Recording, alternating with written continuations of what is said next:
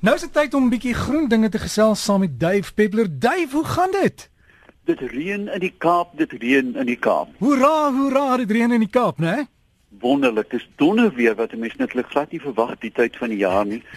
Jy weet as ek na my dagboeke kyk, uh, gewoonlik was hierdie tyd al sampioene, dit was al koud, die blare het op die grond gelê, maar my tuin is gelukkig en ek is gelukkig. So Dave, jy praat met ons onder die bed, né? Want jy's mos bang vir die weer in die Kaap my ouma was. Kyk, my ouma Lily het uh, met met vierlig swart doeke oor die spieëls gehang, né, en die gordyne getrek. Jy het jou absoluut desmoes geval oor die meubels want jy kon niks binne in die huis sien nie. Uh, en uh, mamma, ek het dit gelukkig nie geërf nie. Ek is mal oor weerlig. Ek sit buite met 'n koppie koffie en gril van die lekkerte. Ja, Dave, ek ek ook ek is lief daarvoor om die weerlig af te neem oor Johannesburg. Uh weet nou van 'n afstand af, maar ek sal eendag vir jou foto of twee stuur. Duif paar navraag gekry 'n uh, duwe hierdie groot bosduwe wat op 'n dak nes maak en mense wil wil ontslaa raak van dit. Wat doen 'n mens? Jy wil hulle nou nie doodmaak nie. Ja, kyk, dit is 'n ewige probleem in Afrika. Ek het al baie te doen gehad daarmee. Want die duwe sien eenvoudig die gebou as 'n kraas. Dit is soos 'n groot struktuur. Nou, die enigste manier om van die duwe ontslae te raak is om die gebou van die begin af te ontwerp Ehm um, byvoorbeeld Derek, as jy kyk na vensterbanke, dit is gemaak vir duwe. Weet jy, maar indien jy 'n vensterbank dan teen 45 grade kan hulle nie sit of vat plek daaraan kry nie.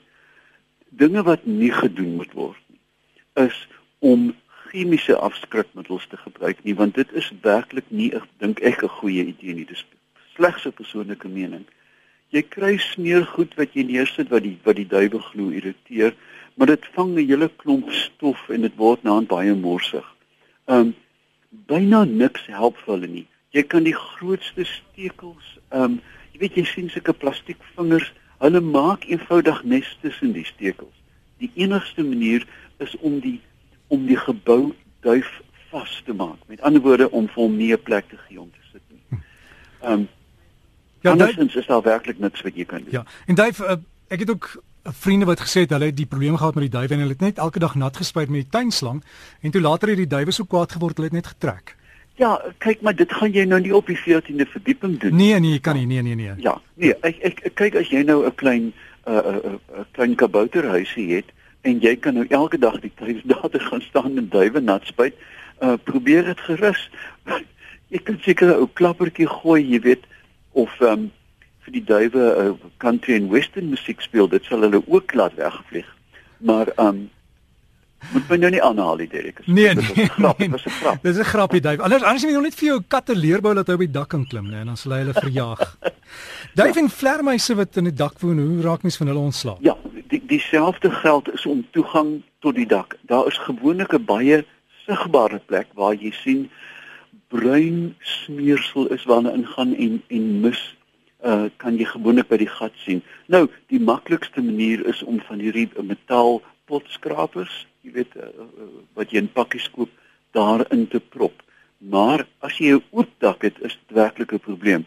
Een van die maniere wat baie suksesvol in die Kreeu Wildtuin gebruik is, is om om dan vir jou langs die gebou 'n vlermuis huis te bou ek sal dit vanaand uh, die model uh, en ook die afmetings daarvan op my Facebookblad Duif Peppler um, plaas sodat mense kan sien en gewoonlik trek hulle dan baie vinnig na hierdie pasgemaakte huisie toe maar jy moet eenvoudig toegang versper vir 'n vleermuis daar's geen ander manier nie gif help nie niks help daar en selfs met baie Duif Oei, baie het 'n baie klein gaatjie nodig. Ek is allergies vir die goed. Ek is regtig baie bang vir baie. Ehm um, die enigste manier daar weer is om 'n professionele bye uithaler te kry. Iemand moet hulle kom uitrook vir jou want soos ek sê die toegang. Ek het byvoorbeeld 'n uilhuis. Um my buurman spot nou al jare dat hy sê daar is duisende klein uitjies in, uiltjies in met angels. Um en ek kan eenvoudig nie van die goed ontslaa raak nie want ek is bang vir hulle. Um weer eens toegang as jy die gate kan toestop. Um met met seelaar of met um, met uh, meganiese obstruksies uh, maar anderste moet jy professionele hulp kry. Ek ek wil nie hê mense moet torring met baie nie op 'n warm dag raak hulle baie moerig en kan jou verskriklik siek seersteek. Dave, ek het 'n storie opgetel in een van die koerante in Nieu-Seeland. Uh hulle het soveel van die denne plantasies daar aangeplant. Die styfmeel raak 'n probleem want dit waai lyk my op die lugstrome dan beland dit in ander lande se oseane en naby hulle kus en dit beïnvloed nou die lewe in die see. Ek jy weet jy sal hom onsaglik baie ek ek Derek, ek het dit nog nie gesien nie, maar hmm. ek moet nou uit die vuis uit vir jou net reageer. Kyk Stellenbosch het um, in die, in toentertyd in Jonkershoek groot plantasies gehad en dan met stuifmeeltyd um het die suidoos gewaai en dan die dorp letterlik geel geword en mense met allergieë het um het dan werklik les opgesê. Nou daar is tegnies nie 'n verskil tussen 'n bloekomplantasie en 'n grasveld. Dink aan die ja. Vrystaat met sy rooi gras ja. waar op aarde gaan die stuifmeel heen, né? Nee? Um so ek dink dit is 'n ekologiese probleem dat um mens aangeplante bome enige verskil in die kwaliteit van stuifmeel in vergelyking byvoorbeeld met die met die veergrassteppe van Rusland wat wat 10000de vierkante kilometers is. So ek sal eintlik die ding graag onder oë wil hê, maar ek kan nie eintlik dink dat dit die oseane kan beïnvloed nie as 'n mens dink aan die aan die natuurlike lading van natuurlike woude nie. Dave, um, dan 'n ander storie wat ook deurgekom het is dat die bevolking en en verskeidenheid voels in ons stede regoor Suid-Afrika is besig om vinnig te verander. Veral nou met die droogte, hulle trek stad toe, né? Ja, kyk, daar's daar's twee elemente. Die een is dat stede soos ofwel die die welafgebiede van Johannesburg byvoorbeeld het onbeskryflike goeie voorlewe omdat dit so ruim is aan habitat en jy weet dat die die die spesies dramaties toegeneem het omdat dit 'n veilige eiland met voorspelbare kos kom.